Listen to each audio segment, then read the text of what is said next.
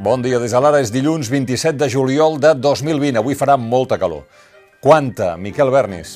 Les màximes arribaran fins als 40 graus a Ponent i se superaran fàcilment els 35 a la Catalunya central i a l'Empordà. La calor fluixarà demà, però al voltant de divendres el termòmetre podria marcar valors encara més extrems que avui. El sector turístic està en estat de xoc per la quarantena britànica i per l'anunci de cancel·lació de vols del turoperador TUI, que han portat una nova onada de cancel·lacions de clients. Les Balears i les Canàries estan buscant una sortida per aïllar-se de la imatge que té la península ibèrica. El Ministeri Espanyol d'Afers Estrangers ho ha estat demanant. Arancha González Laia, ministra. El Gobierno de España sigue trabajando con los gobiernos europeos para explicar eh, todas estas medidas que se están eh, tomando, para eh, tranquilizar y para dar un mensaje de confianza. I tots els ulls estan posats aquesta setmana en l'evolució dels brots de Covid-19 a Barcelona i l'àrea metropolitana. Divendres ja es va decidir tancar els locals d'oci nocturn i fixar un horari màxim per bars i restaurants. Segons les dades del Departament de Salut, Catalunya va registrar ahir 886 nous contagis, que és una xifra notablement inferior a la de dissabte, quan en constaven 1.500, els quals es van concentrar en un 90% a Barcelona i les dues regions metropolitanes. Per això el president Torra i el secretari de Salut, el doctor Argimon, compareixen aquest matí. El 130è president Carles Puigdemont va ser entrevistat ahir a TV3, està en gira de promoció del seu llibre, va dir que si és cap de llista, si guanya i l'investeixen telemàticament, torna. A l'ara ja ens havia explicat que el 30 de gener del 2018 ho tenia tot a punt per tornar investit a Barcelona. Si a mi el Parlament de Catalunya m'investeix president, i fixis, recordi que havíem pensat en una investidura telemàtica, allò que abans era pecat mortal, uh -huh. és ara tal com es governa el món, de manera uh -huh. telemàtica, jo anava a prendre possessió al Palau de la Generalitat. Ara ho tornaria, ara ho faria? Si es donara aquesta circumstància... Si jo em presentés i el Parlament m'investís, esclar que hi aniria com ja tenia previst d'anar el dia 30, perdó, a partir del dia 30. Uh -huh. Havien fet totes les... Cregui'm, no era fàcil, però era molt possible. Aquest migdia entrevistarem Jordi Turull, que ha participat en la creació del partit Junts per Catalunya aquest cap de setmana.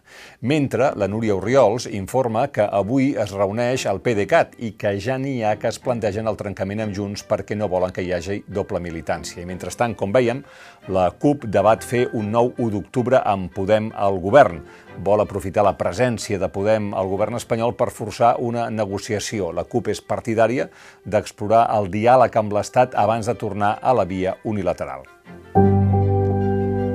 No es va celebrar quan tocava perquè a l'abril també va saltar pels aires el sorteig de la grossa de Sant Jordi. El govern va decidir aleshores moure'l ara al juliol i destinar els beneficis als afectats del virus. Doncs bé, ahir la grossa va donar el Premi Gros, el número 56.044 i especialment el bitllet que porta la sèrie 25 que es va endur el Premi Extraordinari de 2 milions d'euros.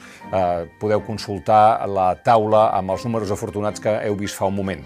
Però eh, ahir ningú no sabia on era la persona agraciada ni on s'havia venut el bitllet més buscat, perquè a diferència d'altres edicions, aquest cop no es va difondre cap informació del punt de venda, no sé si perquè no volien que hi hagués gent que s'ajuntés al voltant del premiat o, o, o del lloc on s'hagués venut eh, el tiquet premiat, el, cap és que, el cas és que no tenim cap imatge de l'emoció del moment i això naturalment li resta llegenda en aquesta dissortada grossa. El diumenge ens ha deixat tres morts a recordar. Lluís Serraïma, impulsor dels 16 jutges, autor de la lletra de la cançó Què volen aquesta gent que va cantar Maria del Mar Bonet i moltes més coses, però estem fent un extracte d'una biografia molt rica i molt profitosa per la nostra cultura. Ha mort també Paco Frutos, que va ser secretari general del Partit Comunista d'Espanya entre el 1998 i el 2009 i eh, va morir ahir, als 80 anys, víctima d'un càncer. I ha desaparegut també Olivia de Havilland, actriu del Hollywood més llegendari, va morir ahir als 104 anys.